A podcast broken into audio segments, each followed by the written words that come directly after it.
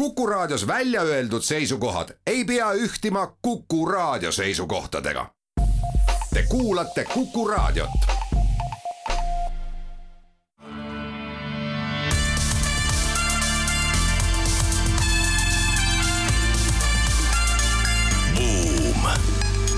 buumile annab hoogu SEB Pank tere päevast, head Kuku raadio kuulajad! on kolmapäev, kahekümne kaheksas september ja eetrisse läheb majandus, ettevõtlus ja juhtimissaade Buum. saatejuhid on Ott Pärna ja Anto Liivat. nagu tavaks on saanud, siis alustame põnevatest majandusuudistest laiast maailmast. ja esimeseks räägime sellest, et Taani ja Saksamaa on ehitamas maailma pikimat merealust tunnelit arutleme selle üle, kas investorid väärtustavad ettevõtete sidemeid poliitikute ja kodanikuühiskonna organisatsioonidega edasi räägime Brightonist, ühest väikelinnast Suurbritannias, mis on BBC sõnul üks edumeelsemaid linnu Ühendkuningriigis. Ja see siis La Manche'i väina ääres või siis Briti kanali ääres äh, paiknev Inglismaa väikelinn on nimelt saamas toidu jätkusuutlikkuse alal maailma liidriks. Ning seejärel uurime, millised on maailma paremad lennufirmad ja mis on nende majandusedu ning äh, kõrge kliendirahulolu taga ja tänaseks saatekülaliseks on meil Siim Sikkut, konsultatsioonifirma Digital Nation juhtivpartner, varasem Majandusministeeriumi digiarengu asekantsler ja lihtsamalt öeldes valitsuse IT-juht. Eh, Siim aitab meil ka uudiseid lahti rääkida, aga siis saate teises pooles räägime konkreetsemalt digiriigist ja nii-öelda e-valitsemise rahvusvahelisest müügist.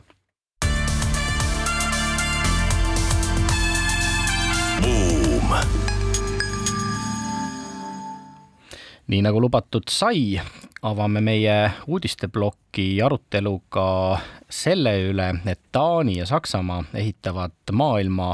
pikimat omalaadset merealust äh, tunnelit, see peaks olema kaheksateist kilomeetrit äh, pikk, kannab nime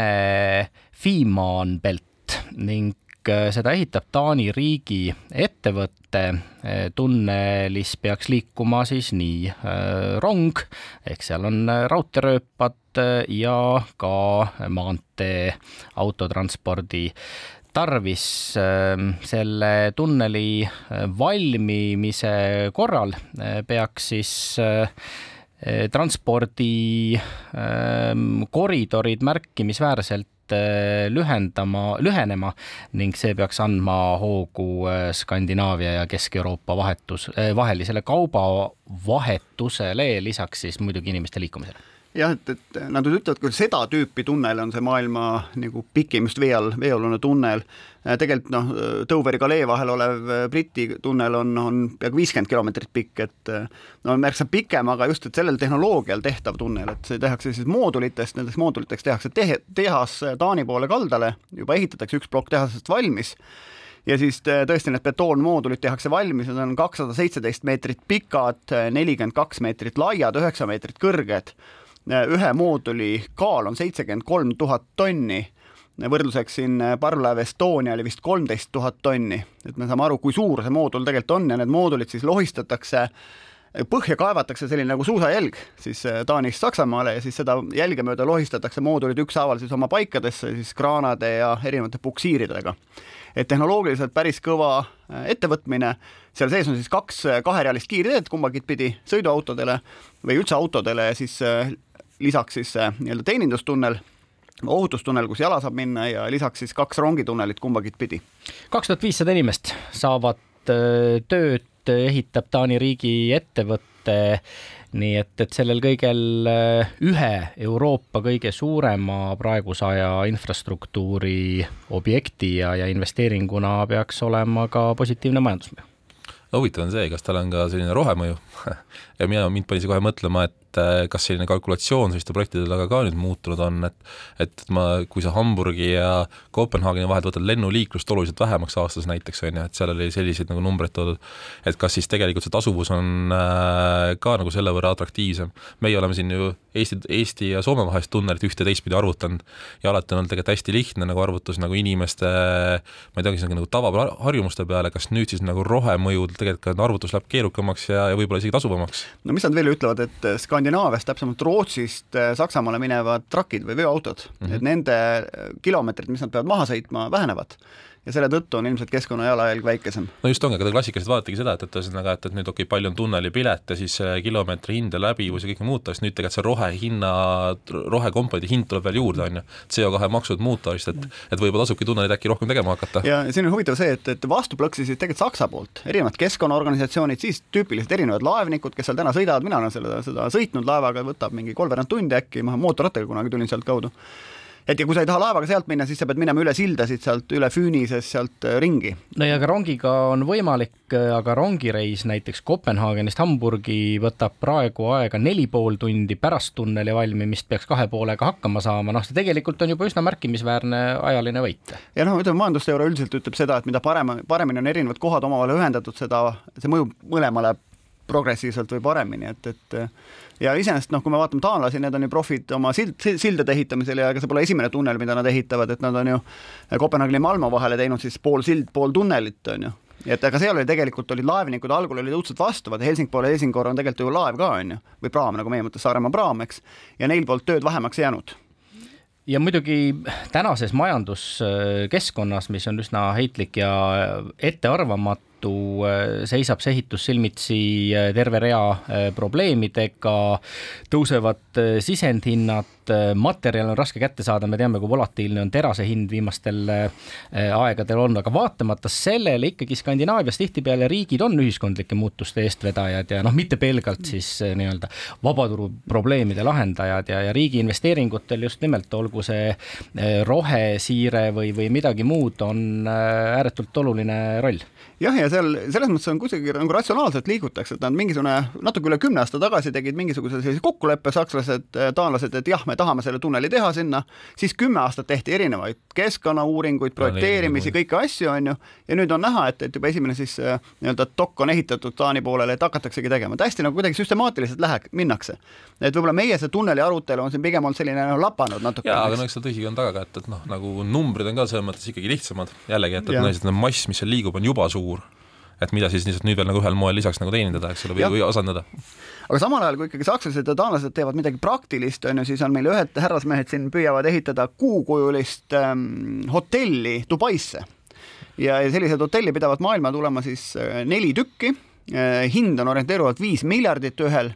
ja mängitakse selle peale, et siis inimesed tahavad, ühesõnaga see kuu kõigepealt on seitse miljardit inimest maamuna peal, seitse pool miljardit, kõik teavad, mis on kuu. ehk siis bränd on hästi, üsna, üsna tugev. ja nüüd, et kui nad annavad selles hotellis, on ümmargune hotell siis suur selline ja seal on selline kosmoselaeva keskkond ja sul on võimalik moonwalk'i teha, ma ei tea, kas nagu Michael Jackson või nagu siis ameeriklased kuu peal, aga ühesõnaga, sul on võimalik seda kuud imiteerivaid tegevusi seal nagu teha. ja öeldakse ka seda, et paljud inimesed ei suuda osta piletit nii-öelda Virgin Galacticu lennule äh, ümber orbiidi, eks, et nad saavad suhteliselt samasugust kogemust sellest hotellist ja neid hotelle tahetakse esimene vist kaks tuhat kakskümmend seitse valmis saada, üle maailma tahetakse neli tükki ehitada, aga vendadel raha ei ole nii et nad on projekteerinud selle asja valmis ja nüüd litsenseerivad seda luba ehitada siis kuukujuline hotell ei no kui tunnelist rääkida, siis tunnelisse ka juba müüdi pileteid juba, kuigi tunnelit veel paista ei ole Eesti-Soome tunnelisse, nii et noh, et sinna võib ka pileteid müüma hakata. ja ütle veel korraks, Ott, kui palju üks hotell maksma pidigi? no ühesõnaga, raha pidi taskus olema viis miljardit, kui sa tahad ehitama hakata, et ma ei tea, kas kõik siis läheb ehituse peale või, või millegile veel, eks. ja kordame siis üle, et Eh, tunnel eh, Taani ja Saksamaa vahel eh, on eelarvestatud praegu seitsme miljardi peale. nii et tõesti on valik, kas ehitada tunneleid või ehitada hotelle. aga kuulame nüüd ära kaubanduslikud teadaanded ja seejärel jätkame.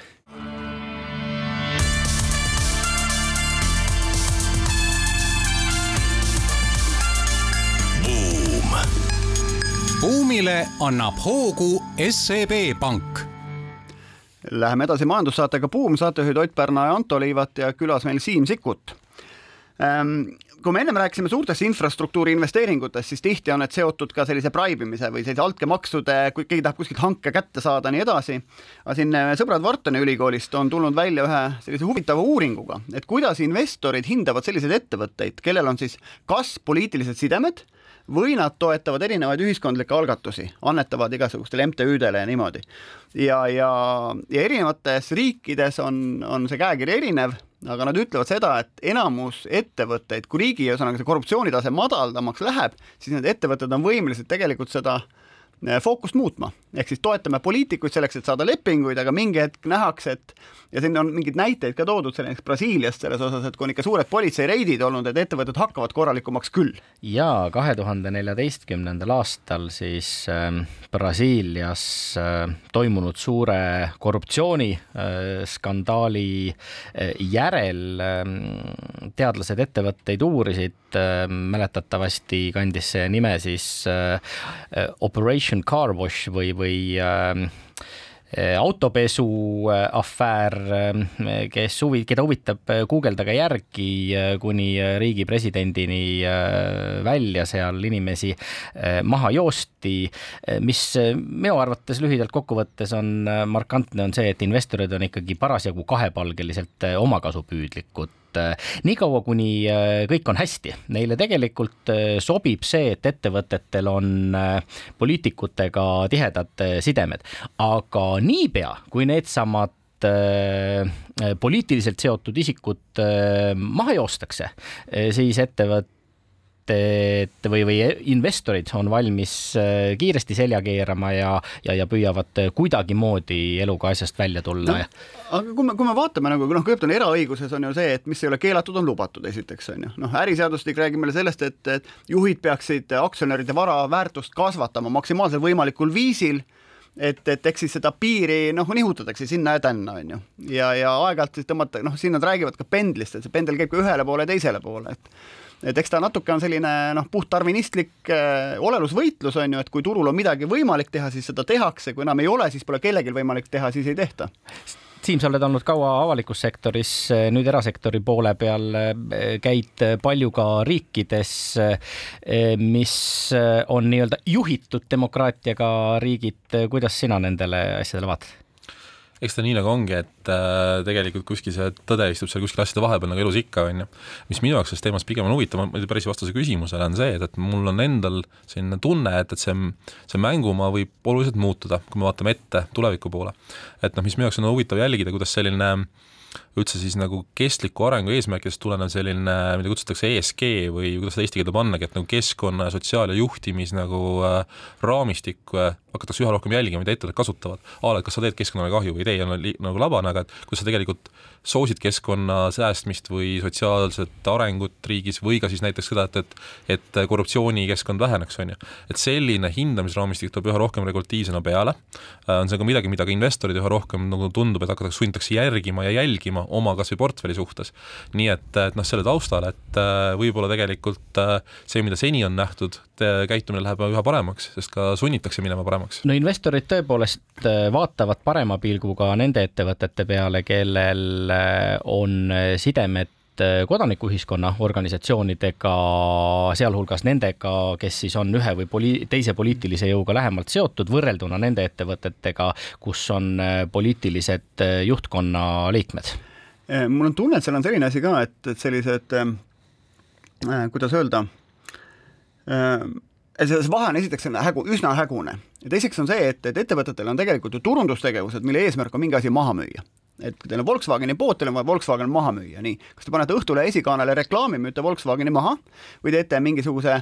Tallinna kiirabiga lepingu ja saate oma mingid bussid maha müüdud, on ju. nii, või teil on vaja mingit kuvandiprobleemi lahendada noh, nagu Volkswagenil tekkis sellest jäätmeskandaalist, on ju. nii, ja nende MTÜ-de toetamine on selle kuvandi probleemi juures ilmselt nagu mõistlik tegevus. et sa saadki näidata püha ja puhtana ennast, on ju, oma brändi nii-öelda pesta. aga nüüd selleks, et ikka mingi praktiline asi, ma ei tea, mingisugune tööstusseade maha müüa või mingi noh, et on see, on see Siemens või ükskõik kes, arengumaades nad on kasutanud läbi aegade erinevaid tehnikaid, sealhulgas tegelikult telekomid on kasutanud seda ju nii litsentside saamisel kui, kui muudel põhjustel. et, et, et ühesõnaga jah, see on selline. aga siin on just üks tegu tuleb mängu, mis sa tegelikult ju vihjamisi viitadki, et, et milline on ka selle konkreetse äri või sektori regulatiivne risk, nagu seda öeldakse investorite maailmas, eks ole. kui väga selles konkreetses riigis või äris sõltub see, mis sa teha saad ja mida sa müüa saad, sellest, mis noh, kas või lubatakse teha, on ju, või kui kiiresti võib ka muutuda poliitiliste olude sunnil näiteks, eks. ehk et kui sa Ante küsisid, et mis maailmas paistab, et see sõltubki väga riigist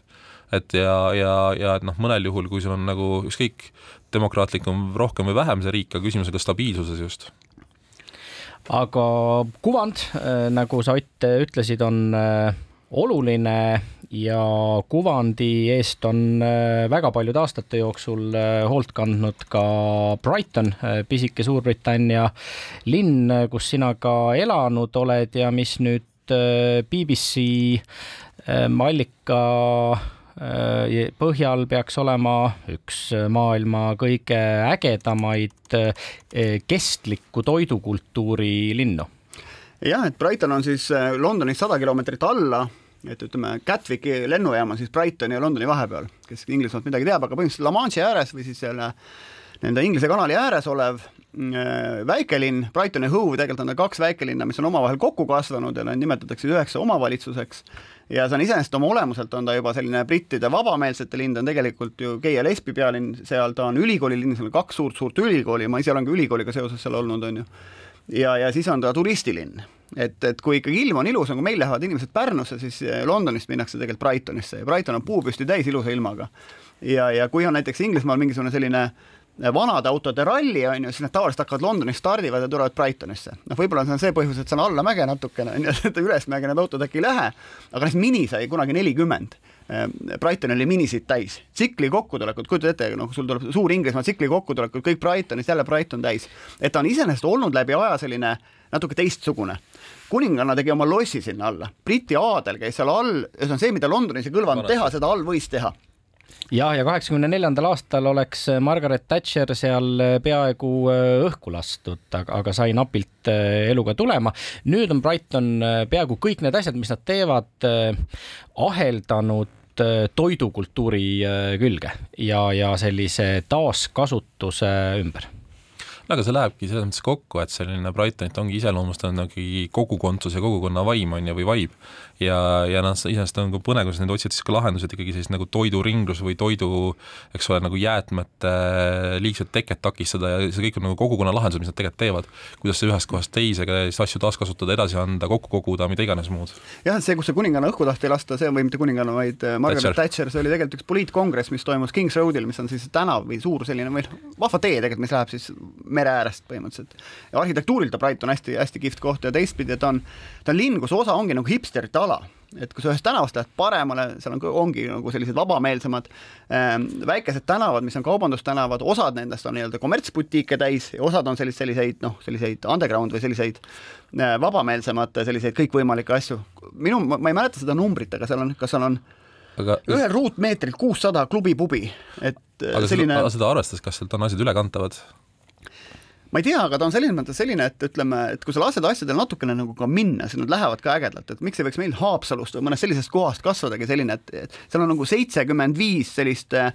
maalapikest, kus siis äh, kohalikud saavad midagi kasvatada näiteks, noh, meie mõttes siis need nii-öelda kogukonna aiad on ju, et äh, ma ei tea, tuhat majapidamist tegelevad ühiskomposteerimise või see komposteerimisega, et, et, et igasuguseid selliseid ühiseid asju tehakse ja just, et, et kuivõrd selliseid asju tehakse, siis sellised kogukonnad ka sinna nagu lähevad ja siis nad tegelikult oma nii-öelda asumiseltse seal asutavad ja selles mõttes see ja, ja kõik need asjad kokku tegelikult annavad selle vibe'i, mis seal on. no aga ega see kõik ei ole päris iseenesest ka juhtunud. Brightonis on ju äh, Ühendkuningriigi ainus äh, rohelisest erakonnast äh, noh, parlamendisaadik ja, ja, ja eest vedaja, et, et seal ikkagi on Pinnas. olnud, olnud ka selge poliitiline toetus sedalaadi arengutele. aga poliitilist toetust naudivad alati ka lennuettevõtted, Skytrax World Airline Awards kaks tuhat kakskümmend kaks on teada antud Äh, uurides äh, neljateistkümne miljoni reisija tagasisidet enam kui äh, sajas riigis siis ajavahemikus möödunud aasta septembrist kuni käesoleva aasta augustini Ott ja võitjad on. Ja võitjad on,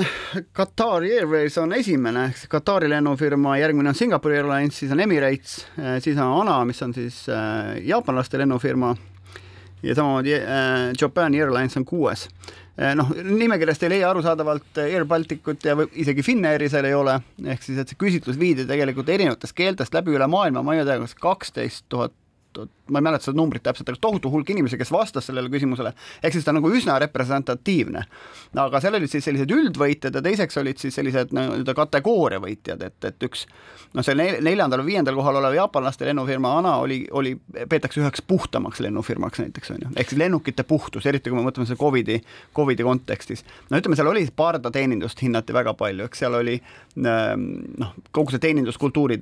tegevus, kogu siis sellise noh, see mugavusteema, et eks erinevad kategooriad, aga mida ma vaatan tegelikult esiotsa on, on nii-öelda samade juhitud demokraatiate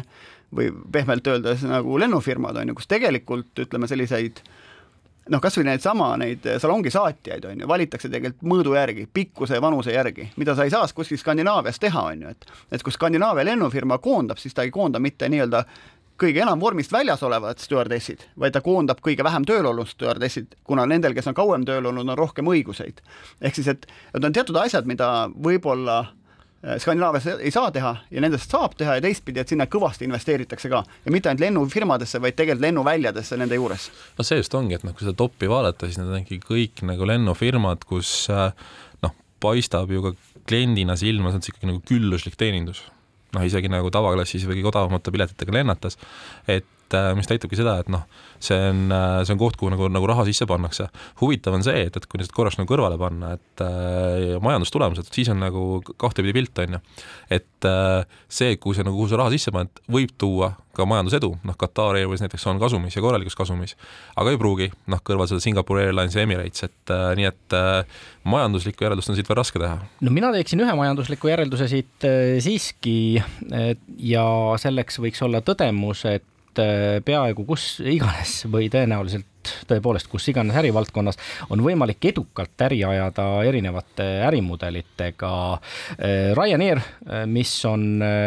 koroonapandeemiast võitnud, et mitte noh, öelda välja tulnud väga edukalt, mahtus ka toppi ja oli siis sedapuhku parim Euroopa odavlennufirma Qatar Airways on olnud palju aastaid edetabelite tipus eh, hoopis teistsuguse ärimudeliga ja nii nagu sa tõesti, Siim, ütlesid, eh, nad on kasumis, nad on väga korralikus kasumis, sest nad investeerisid koroonapandeemia ajal, investeerisid uutesse lennukitesse, investeerisid pardateenindusse, kaubavedudesse ja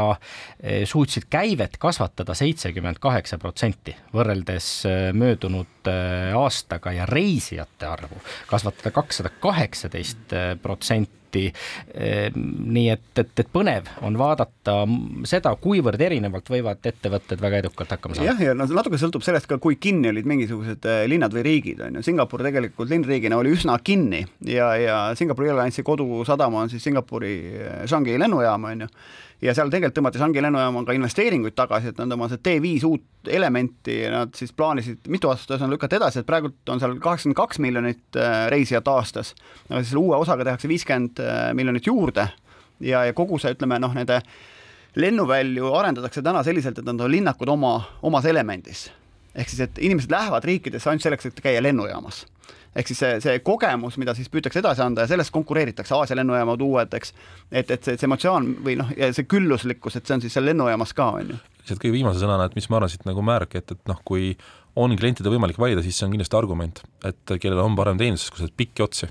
mida need suured teevad. ja samas see, see Ryanair, miks see etteotsa oma lennutäpsusega. Et, et kui kõik lennud siin venivad ja jäävad ära, siis Ryanair lendas suhteliselt täpsemalt kui teised ja pluss, et ta pakkus ka selliseid rescue flight'e või selliseid, et kui mingi jama on kuskil, siis saadeti uued lennukid niimoodi, et ikkagi toodi inimesed ära. jah, sest Ryanair jättis äh, pandeemia ajal inimesed lahti äh, laskmata ja, ja suutis äh, seetõttu pakkuda tasemel teenindust, aga kuulame nüüd taas ära kaubanduslikud teadaanded ja seejärel vestleme Siim Sikkutiga digiriigi teemadel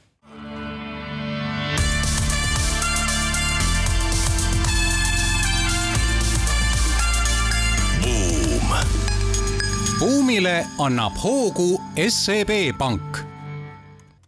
oleme tagasi Buumi eetris, saatejuhid Ott Pärna ja Anto Liivat ning meie tänaseks saatekülaliseks on äh, Siim Sikkut, varasem Majandusministeeriumi digiarengu asekantsler elik äh, Eesti IT-juht, tänane ettevõtja Digital Nationi juhtiv partner partner. Siim, panid sa Majandus- ja Kommunikatsiooniministeeriumi tippjuhi ameti kerge südamega maha ja mis jäi tegemata või mida oleks võinud veel teha? kerge südamega ei pane kunagi ühtegi ametit maha, mida sa pikalt teed ja, ja hingega teed, eks ole, aga aga teistpidi rahuliku südamega küll, et äh, see oli nagu teadlik otsus, eks, et amet tehakse läbi äh,, ma olin selgelt ka kohas, kus ma nägin ära, et juba kümme aastat on ikkagi seal, sealjuures tihedalt digiriigi juhtimise juures oldud, et on aeg ikka järgmistel aastatel tulla teha teha võib-olla paremini veel, nii et, äh, et kahetsust ei ole kordagi selle võrra olnud, eks ole ja.... mis on Siimu jalajälg äh, Eesti kui digiriigi kujunemisloos läbi selle kümmekonna aasta? Vaat ma olen jube kehva meelt seda ise nagu selles mõttes vastama, ma arvan, et seda saavad ainult teised vastata päriselt, päriselt, aga mis meil, mis ma ise arvaks, et mis meil õnnestus teha, on nagu kaks asja, et ühelt poolt äh, selgelt võtta fookusesse ka selle ehitatu püstihoidmise, et ei ole nagu järgmise nagu suure ägeda asja tegemine, vaid ka kõik see digiriik, mille me iga päev, mis, mis meie ümber toimib, millele me toetume, Maksuametitest või mis tahes lahendusest peale, et seda peab ka pidevalt edasi arendama, putitama, jah, meil jäi selles võib-olla selline raha tõstmine valitsuse käest seal veel pooleli, järglane saab sellega jätkata, aga et see nagu see kilbile tuua ja rääkidagi, et meil tegelikult on nagu kaks asja, kaks tööd teha korraga. seni ehitatud paremaks teha ja uusi asju juurde ehitada, eks ole, ei saa ainult ühte või teist ja teine asi, et uutest rääkides, et äh, nüüd ma ise ootan ka muidugi põnevusega, et need, need viljad veel lõpuni ära tuleksid, aga et et saada üleüldse sellistest nagu paljudest nagu teenustest lahti, asjad toimiksid ühe kimbuna elusündmuste ümber, tehisintellekti tõime mängu, neid ühesõnaga neid arendusi, asju ikka jagus sinna ka üksjagu, mida sai käima tõmmatud. aga kui me üldse räägime nendest e-valitsemise teemalistest trendidest nagu maailmas, et, et kuhu poole liigutakse, et ma tean, OSCD kirjutas siin mingi kümmekond aastat tagasi ühe raporti, et et valitsus, et me peaks liikuma sellise single governance approach'i või et valitsus üks, et meil ei ole sellised silotornid, on erinevad ministeeriumid et, et kas see e-valitsemine, need digiriigi tööriistad on aidanud seda valitsemist siis ühtlasemaks, ma ei tea, efektiivsemaks, mõjusamaks viia? vaata, need on küll nagu kõik need hästi eri asjad, on ju, et ühtsem ei ole tingimata efektiivsem ega, ega vastupidi, on ju, eks, et noh, mis ma arvan, selles mõttes trendidest paistab silma ja, ja, ja laiemalt ju ka, on see, et vana tõdemus, et, et IT on ikkagi nagu tööriist, digi on tööriist. saad sellega teha nutikat tööd või rumalat tööd saad sellega teha nagu asju ühtsemaks või mitte, on ju, et sõltub, mida sa kasutad. ehk et kas näiteks nagu kümne aasta jooksul mõni riik on pärast seda ühtsem, toimib üle silotornide ja ministeeriumide vahel tervikuna, pole üldse digiküsimus on pigem selle küsimus, kuidas riigivalitsemine, riigivalitsemise kultuur, tahe, praktikad arenevad, jah, digi abil võib-olla. nii et noh, lahendusi on ju kõige jaoks saab ka panna iga kord äh,, iga, iga aasta riigi legona klotsidest kokku tuua, osapooli koos toimetama digilahenduste abil, aga kas seda tehakse, on tegelikult kinni selles, kas tahetakse teha laiemalt. jah, et kui me räägime noh, tehnoloogiast, siis väiksel tasemel, siis arvuti ilmselt teeb elu lihtsamaks kui trükimasin, et selles mõttes see aitab ja tehisintellekt aitab, ma ei tea, Maksuametil rahapesijaid või maksupettureid leida ja, lihtsamini, kui iga inimene mingit tohutut materjali läbi hekseldab, et, et sellel tasemel kindlasti. aga kas mingis kontekstis see muutub natuke nagu asendustegevuseks, et valitsused lähevad, ma ei tea, Second Life, metaverse on ju, mingitesse virtuaalsetesse kogukondadesse, selle asemel oma valitsemisasjad korda teha IT abil ja, ja vaata, see ongi see, mis ma, mis ma korraks Antole vastates viitasin, et noh, meil nagu ma tahaks ikkagi öelda, õnnestus tuua see nagu mängu, et me peame ka seni ehitatud püsti hoidma, et ei ole, ei olegi selles kinni, kas me oleme metaverse'is oma riigiga näiteks, on ju. et samal ajal tegelikult suur osa meie kodanikke tahab, et jätkuvalt äh, võib-olla maksud saaks, äh, ongi hästi lihtsalt nagu ära deklareeritud ja ja võib-olla ei peaks ise üldse käima deklareerimas. et see, see nagu baaskogemus on palju-palju olulisem, selle püsti hoidmine on igapäevane töö ja investeering, eks. ehk et äh, see, see ei tule niisama, seda ei saa võtta iseenesestmõistetavana. ja, ja sellepärast ma ütlengi, et teistpidi, et kui sa küsid, Ott, et et noh, on hästi palju, ma arvan, see eristabki riike maailmas, kui ma natukene üldistan ja, ja lahmin siin, et ähm, need, kes ähm, hüppavad ühest ägedasest teise, tegelikult ei saavuta oma digiriigiga ja arendustega mõju. mõju tuleb sellest, kui massid kasutavad asju ja see tuleb pigem nii-öelda heast toimuvast baa-, nii-öelda nagu baasprotsessidest ja teenustest, mis ei pea üldse olema tehnoloogiliselt ägedad no vaata selle seni tehtu püstihoidmise eest muidugi keegi valimistel hääle ei anna, noh niisamuti äh, nagu ei anta juba loodud äh, spordihoone eest äh, siis, kui kõik on sellega ära harjunud ja nii me võimegi lugeda peaaegu iga kuu mõne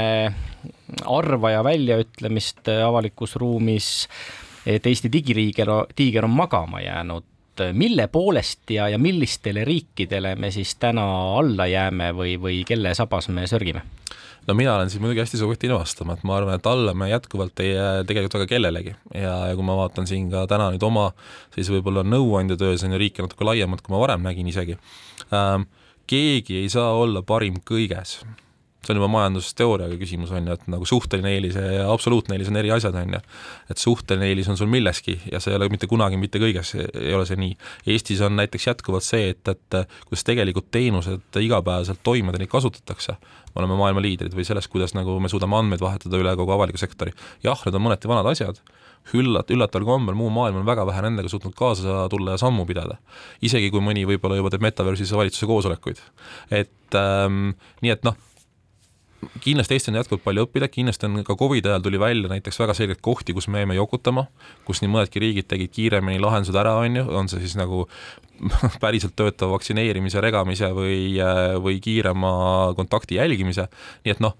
aga see oligi, et selles kohas oleme Eestis järelikult nõrgad, aga mitte läbivalt ja mitte, mitte, mitte kogu lehega maha jäämas. no me teame seda, et raha alati maailmas kõiki asju ära ei paranda ja suured IT-projektid, mis on keskselt juhitud, pigem lähevad tuksi ja lähevad kallimaks, kui algselt planeeritud ja sellised ma ei tea, detsentraliseeritud asjad pigem nagu edenevad nagu edu, edumeelsemalt. aga meie ühine tuttav ja sinu järeltulija Lukas Kristjan Ilves on äh, ühe korra kuskilt kirjutanud sellest, et et, et kui eraettevõtted panevad IT-sse täna kuskil viis kuni kaheksa protsenti oma tegevuskuludest, versus kõik teised kulud, rendid, palgad, eks,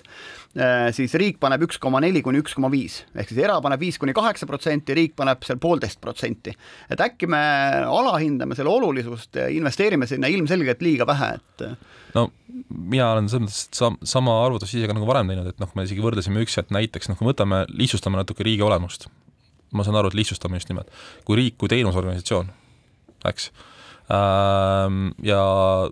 toimub mingid suhtlused, mingid taotlused, värgid-särgid, toetuste eraldamine, mis iganes. pank kõrval paneb nagu vabalt kümme protsenti näiteks käibest nagu IT-sse tagasi, eks ole, sest selle pealt ta toimibki. Eesti riik, kus me vaatame, et peaaegu kõik nagu kliendisuhtlused enam-vähem on digitaalseks viidud, olemegi, me jääme mitmeid kordi maha. ja see tulemus on see, et jah, kõike rahaga ei paranda, aga küsimus on, et nagu baasi pidevalt uuenevana hoidmises. see on see väljakutse, mis on täna meil lahendamata ja tegelikult on nagu pilved natuke mustad horisondil, on ju. no ega need pangad ka, siin ma just eile rääkisin ühe sõbraga juttu, kes oli käinud kakskümmend aastat tagasi praktikal ühes pangas ja, ja esiteks noh, anti praktikandile access kätte kogu andmebaasidele kõikidele, on ju, üks asi, aga teine asi, seal olid siis sellised arhailisi süsteeme juba tollal, mis nüüd on alles hiljuti välja vahetatud aga ja vaata. me teame, ühte panka siinsamas paistab meil, et, et kes kaotab täna kliente tänu sellele, et tal tavaline e-pank ei tööta juba no, kaks aastat, eks. no olen isegi sealt sellepärast ära kolinud aga, aga lihtsalt näide, aga, aga tahe ambitsioon ja retoorika, noh, me teeme maailma parimat digiriiki siin, nii poliitikas kui ka ühiskonnalt, et sellega on see käär veel suurem. ehk siis me ei ole rahul sellega, kuhu pank ei liigu, on ju? sa, Siim, tulid just äh, Berliinist kohtusid seal äh, Saksa riiki digitaliseeriva äh, pundiga, mida siis ikkagi Saksamaal tehakse ja, ja mille poolest see kõik väljapaistev on, tegemist ikkagi ju hästi suure kompleksse riigiga ja, ja kui sa enne ütlesid, et olulisem kui tehnoloogiline lahendus on see, kuivõrd kasutajad taha saadakse, siis kuidas sakslastel nende kasutajate kättesaamine õnnestub? ei no väga ei õnnestugi aga miks me ka, noh, sa viitad ühele konkreetsele kohtumisele nagu vanade kolleegide ja, ja sõpradega, et et äh, miks nad ka jätkuvalt tegelikult aeg-ajalt helistavad ja küsivad, et kuule, tule räägime, kui sa juhtud linnas olema ja ma juhtusin linnas olema, siis ongi see, et, et tegelikult neil ei lähe, nad tahavad ikkagi praktilist nõu ja, ja abi saada, et kuule, kuidas te selle Eestis ikkagi tegite. kuidas te saite selle, et päriselt inimesed isegi võib-olla kohmakate teenustega kaasa tulevad, on ju. kuidas te tegite poliitikareforme ja õigusruumi taha, mis soosis kõik näiteks digiallkirja laialdast kasutuselevõttu, et nii et, et noh, see noh, Saksamaa näidet võib kasutades, et, et tegelikult see aluste toimivate ja laialdase kasutamise aluste rajamine on jätkuvalt enamikes maailma riikides alles tegemata. Äh, minusugustele ja, ja suure IT, Eesti IT-sektorile see muidugi on hea leib. aga ma vaatan seda, et näiteks Euroopa Komisjonis, kui sa oled mingisuguses portaalis seal, kus sind peaks idenditama, siis sind identitakse ära seal mingite password idega, on ju, siis kui sa pead seal midagi allkirjastama, siis seal mingil kohmakal viisil sa paned signature, ennem sa määrad ära, kellel on allkirja õigus ja kõik nii edasi. aga see ei ole kaugel nagu digitaalallkirjast, mida me mõtleme, mis saab failiga kaasa lennata, on ju, see on lihtsalt mingi süsteemi sees kuidagipidi maandatakse riske, on ju et, et kuivõrd nagu Euroopa Komisjon tegelikult saaks olla eestvedaja selleks, et Brüss-, ütleme üle Euroopa mingid asjad, kas või sama digiallkiri nagu mõistlikul viisil läheks levima, kui me näeme, et noh, Saksamaa suurused riigid ei saa hakkama sellega. on tõsine, Saksamaa on vaata Eestist nii palju suurem, et seal võivad olla ka riskid suuremad, et kui BMW ja ma ei tea, Volkswagen kirjutavad digiallkirjadega midagi alla siis see leping ei pea, on ju no huvitav, kui nad seda teevad siiski, on ju, sest või ma ei tea, kuidas on allkirjastatud taanlaste ja sak- või selle sakslaste tunneliprojekt, päris huvitav oleks. esiteks tunneliprojektis on hästi palju lehekülgi, et see digiallkiri päästis Eestis kõige rohkem tegelikult ju ehitusmehi, ehitushankijaid, seetõttu need pidid igat lehte allkirjastama mingis projektis varem. Äh, ja, ja just neid, kes seda viseerisid pärast ähm,. vaata, ei oska tunneli kohta, tunnelimeeste kohta öelda, aga noh, Euroopa Komisjonis, kui sa sellise konkreetse küsimuse küsid, kindlasti on seda kohta teha, aga noh, nemad omakorda noh, tingimata ei lähe parimat praktikat juurutama, nad lähevad minimaalselt võimalikku tegema ja need on kaks väga erinevat asja. ehk et noh, mis, mis ma arvan, ka Eestis need edulood on olnud, mida meile nagu meeldib rääkida, kus tegelikult ka inimeste kogemus on läinud väga palju paremaks riigiteenustest, on need kohad, kus ei tehta ära nagu minimaalselt tehtavat või teostatavat, vaid tegelikult ikkagi push itakse paar sammu kaugemale või, või surutakse nagu paar sammu kaugemale. seda juhtub Euroopa Komisjonis paraku aga harva veel. tervet seda maakera vaatad, et noh, Edison ei leiutanud ka lambipirni, vaid ta leiutas lambipirni ja elektrivõrgu, kus see lambipirn põleb, on ju. et, et isegi kui Eesti riik leiutab siin oma digiallkirja ja elab sellega, on ju, et noh, ja maailmas on veel, no ÜRO-s on juba sada üheksakümmend pluss riiki, on ju, et kui neil on omamoodi asjad, ehk siis mingit standardit ei teki üle maailma et siis on ikka see asi kuidagi kohmakas. jaa, aga näiteks Eesti vaatevinklist, noh, kui me räägime, siis sul alati seal on hästi selge nagu, nagu äh, kuidas ma ütlen, tulu-kulu kalkulatsioon minna ise, me oleme seda oma töös ka nagu päris palju oma, oma ametiaja jooksul näinud, minna kogu Euroopat teist järgi vedama ja panna sinna kas kogu enda ja kogu oma inimeste sisse, kõrval Eesti digiriik, sellest läheb tegelikult kehvemaks sest samade inimestega sa pead siis nagu, jääb midagi kodus tegemata. et see on alati nii-öelda noh, nagu on nagu, nagu vaja ka Eestina mõelda, et eestvedaja, sa pead nagu väga nutikalt suutma väga konkreetses nišis olla ja see on tõsi jah, et, et nööri on tükk maad lihtsam tõmmata kui lükata, aga teeme siin väikese pausi ja tuleme Siimuga tagasi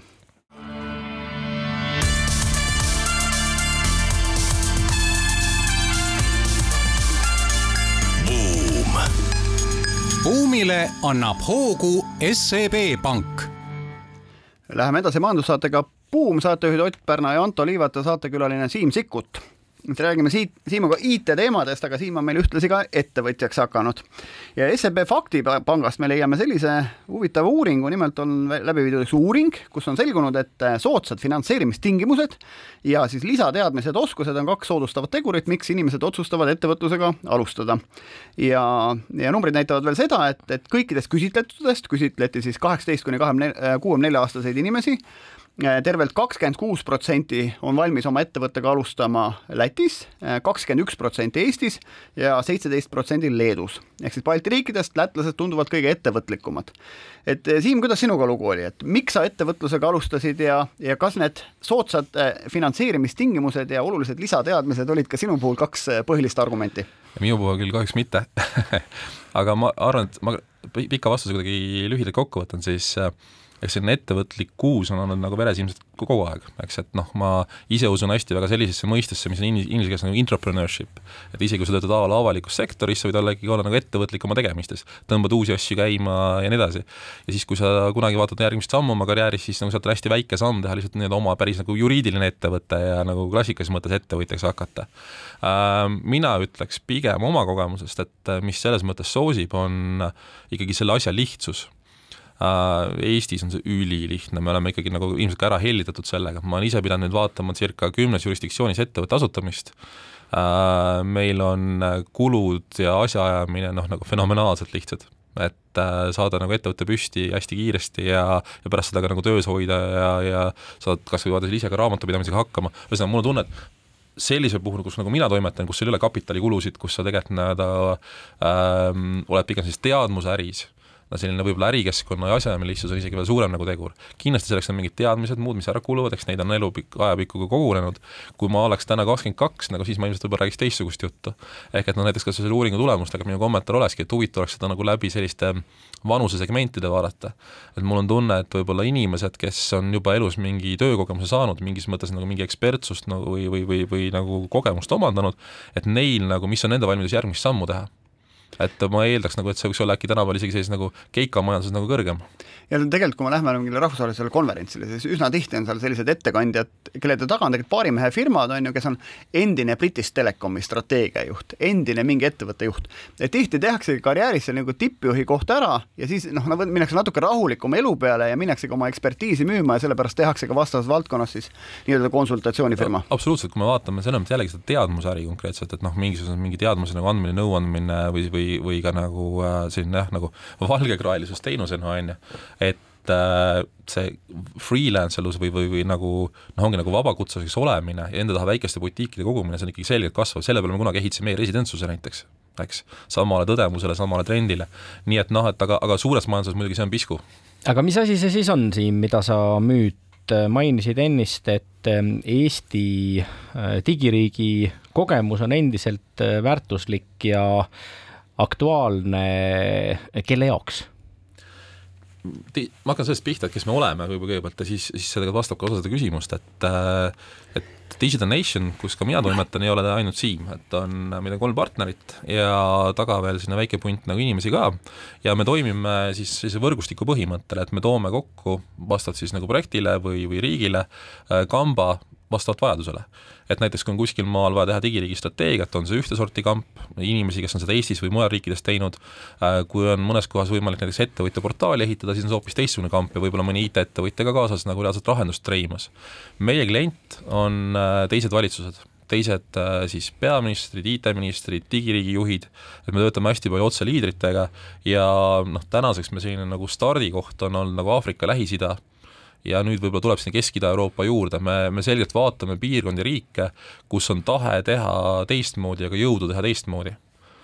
aga kuidas teil on, te ise IT-firma ei ole, et ise te IT-projekte ei juhi, et, et kas siis on niimoodi, te lähete nagu valitsuslobiga ees ja siis sellise puksiirnööriga tuleb nagu Nortal järgi arendama neid asju või, või kuidas see teil käib? puksiirnööri pole vajagi, et me sageli ikkagi paneme siis ise juba nagu koos selle pakkumise kokku ja, ja sa ütled nagu õigesti, et noh, me nagu positsioneerime ka ennast sinna, et tegelikult teistele uksi avada, eks. et vahel on see tõesti nii, et teed juba konkreetses riigis sellise strateegia ära, siis sealtpoolt paistab nagu kümme järgmist projekti võib-olla, millest paar realiseerubki mõne IT-ettevõtja jaoks otse või siis siis kelle siis me võtame kampa nagu lahendust. aga on alati see nagu arenduse poole pealt just nagu Eesti partner kõige asjakohasem või äkki on hoopis kõvem firma Saksamaal, Poolas, Inglismaal? või ka koha peal, selles mõttes, et äh, isegi Aafrikast rääkides ka, et sul sageli selline nagu kohapealsete olude kohandamise vajadus on niivõrd suur või kas või keelenõue, kui Eestis on jube vähe ju neid, kes prantsuse keeles suudavad näiteks tööd teha, noh Aafrikas näiteks on prantsuse keel päris levinud, et äh, ka kohapealsete partneritega tuleb asju ajada ja noh, meie nagu loogika ongi, et ega sa ei saa Eesti siis mudelit või Eesti teadmust sellest, kuidas digiriiki ehitada, noh nagu copy-paste teha, teise riiki tõsta, sa pead ikkagi vähemalt mingil määral mugandama, nii et ka kohalikud partnerid on teemaks. aga jah, et, et anda, et, et selle tahetakse maailmas praktilist teadmust, meie nišš on olla praktikult, kas või endistelt praktikutelt praktikutele, ja teiselt poolt tahetakse selgelt seda kogemust, mis päriselt töötab, mis ei tööta. Need, kes on seda tüüpi äh, diplomaatiaäri äh, teinud, äh, ütlevad, et äh, kunagi ei tea, kui kaua läheb aega, enne kui käed päriselt lüüakse ja, ja, ja raha ka kantakse. Ehm, kui palju sina äh, kohtud äh, olukordadega, kus äh, no räägime ja räägime ja räägime, aga otsustajatelt lõpuks seda rohelist tuld pihta hakata ei tule? no iga müük või müügiprotsess on ilmselt ju mingis mõttes lehter. ehk et sa teed palju nagu kõnesid, palju nagu äh, õngitsemist selleks, et siis mõnega läheb jutt nagu konkreetsemaks ja lõpuks võib-olla ühe tehinguni jõuad, on ju. et äh, et selles mõttes selline meelsugune konsultatsiooniäri ei ole nagu teistsugune, on ju. hakkad laiema ringi nagu kontaktidega pihta, aga aga teistpidi ka ei saa sellist ka nagu turunduslikku poolt ka alahinnata, et ka meid leitakse üles, sest Eestit leitakse üles või teatakse nagu meie tegijaid ja, ja palju tegelikult täna siis nagu esimeste algusäri, noh, me ikkagi oleme veel noor, alustav ettevõte on tulnud ka selles mõttes vanade tuttavate teadmiste pealt, on ju, aga, aga on tulnud ka juba sellist, kus me oleme ise järgi läinud ja nagu võimaluse loonud ja, ja nagu kliendi ära rääkinud, eks. nii et noh, ühesõnaga see kindlasti avalikule sektorile müües, see välp on pikk, on kliente, kellega nagu nüüd siis takkajärgi nad tulevad nagu pool aastat hiljem või isegi nagu võib-olla kunagi ei tule tagasi, aga jällegi selleks ongi lehter, sa paned alati sellise nagu toru kokku, kus on mõned nagu jumekamad ja mõned võib-olla nagu long shot või, või pikema vinnaga potentsiaalsed kliendid. ja, ja viimasena, et teate, ega meil ei olegi selline diplomaatiaäri, et see äri, milles me oleme, et me ikkagi oleme nagu strateegia ja juhtimiskonsultant sageli lihtsalt digiriigi nišis. et noh, näiteks osa sellest ärist ja, ja on ka, et mitte lihtsalt me ei, me ei trade raportit, raportit või me ei trei äh, strateegiapaberit või, või uut nagu koodi ja lahendust, vaid tegelikult on olla nagu mentoriks kõrval teistele juhtidele, kes siis seal riigis toimetavad. ehk siis te saate natuke töötada nagu advokaat ka, et, et kui nagu mina riigist Katar sulle helistan, on ju, siis sa paned põhimõtteliselt oma malekella käima, on ju, ja siis ma saan mingi kuu lõpus saan mingid arved, et, et Siim on teinud nagu kolmteist tundi tööd, on ju. et või on ikkagi niimoodi, et te peate siis nagu noh, nii-öelda viie tüdrukuga käima nagu aasta otsa, siis nagu ühega saad nagu abielluda, on ju, et, et see eelmäng on jube pikk selle lepinguni ja siis see leping on selline suur ja, ja, ja nagu selline viljakas no,. see teadmine tuleb ikkagi suht varsti nagu ära, et kas kellega nagu on mõtet ja kui kaugele on mõtet seda nagu viia, kas on nagu neil endal nagu rahaline olemas, kas on tahe olemas, kas on tegelikult see match sellega, mis sul pakkuda nagu on. et, et noh, me liiga pikka kurameerimist ei kipu harrastama pigem peab ikkagi siis juba nagu mingisugune lubadus taga nagu paista olema, et siit edasi minna. aga see, just seesamas selles mentorluse võtmes või sellises nagu ajamüügi pool on, on täitsa arvestatav osa ärist ja, ja ma arvan, et see on ka nagu osa, kus tegelikult Eestis võib-olla täna on liiga vähe veel tegijaid olnud, mis meid ka kannustas, et me nägime, et sellist ähm, selle järgi on, on nõudlust, me nägime, seda natuke vähe tehakse, seepärast me ka ise jällegi oma taha tegelikult selliseid nagu neid, kes suudaksid seda teha, koondame. millised riigid täna paistavad maailmas olevat kõige ambitsioonikamad äh, digiriikide arvestuses ähm,? kes on kõige ambitsioonikamad? no vaata, siin on nagu see, et kaks eri asja, kes teevad päriselt ka ja kes räägivad, et tahavad teha ehk et äh, kui ma ütlen hästi lühidalt ära, et, et noh, nagu kindlasti nagu kui me vaatame meie nagu äh, sihtriike, sul paistavad silma kohad nagu Saudi Araabia näiteks on ju, noh, on äh, väga palju raha pannakse sinna valdkonna sisse. on kohad nagu võib-olla nüüd pärast valimisi tuleb Keenia mäng on ju, neid riike jagub tegelikult, nii et seda turgu on maailmas kõvasti äh,. küsimus on see, et jällegi, et tegelikult tasub selle järgi minna rohkem, kui Eestis täna minnakse aga kui hästi, väike küsimus siia lõppu, et kui hästi eestlased nagu oskavad ikkagi nagu raha küsida, et ma toon sulle näite, et meil on Tartu Ülikooli Delta keskus, üks vahvamaid IT-innovatsioonimaju, on ju. meil tahetakse külas käia, noh, õpilased käivad külas, kõik käivad külas. ja küsimus, et kas see on teenus, on ju, millest me peaks lõpuks nagu arveid esitama või ta ongi selline tore, et eestlane nõustabki kõike, sest et noh, Digital Nationiga, Digital Nationiga meil on hästi selge põhimõte, et me odavalt ei müü. Ehk et ja me ka arvame, et, et sama peaks ka Eestis tegema, et veel kord, et see digiriigi, päriselt digiriigi toimiva digiriigi ehitamise kogemus on äh, selline, millest tasub turul preemiumi küsida. Ja me oma näitel näeme, et saab ka. Ja, ja aga et noh, mis ongi, et sa pead nagu keegi seda vahel nagu neid võimalusi päriselt nagu projektideks keerama ja see on see meie töö suur tänu, Siim Sikkut, äh, digiriigi asjatundja, meile saatekülaliseks tulemast. Buumiga oleme eetris äh, taas nädala pärast. Äh, siis on saatejuhid Raivo ja Ott ning räägime finantsjuhtimisest SEB värske uuringu valguses. seniks aga kuulmiseni.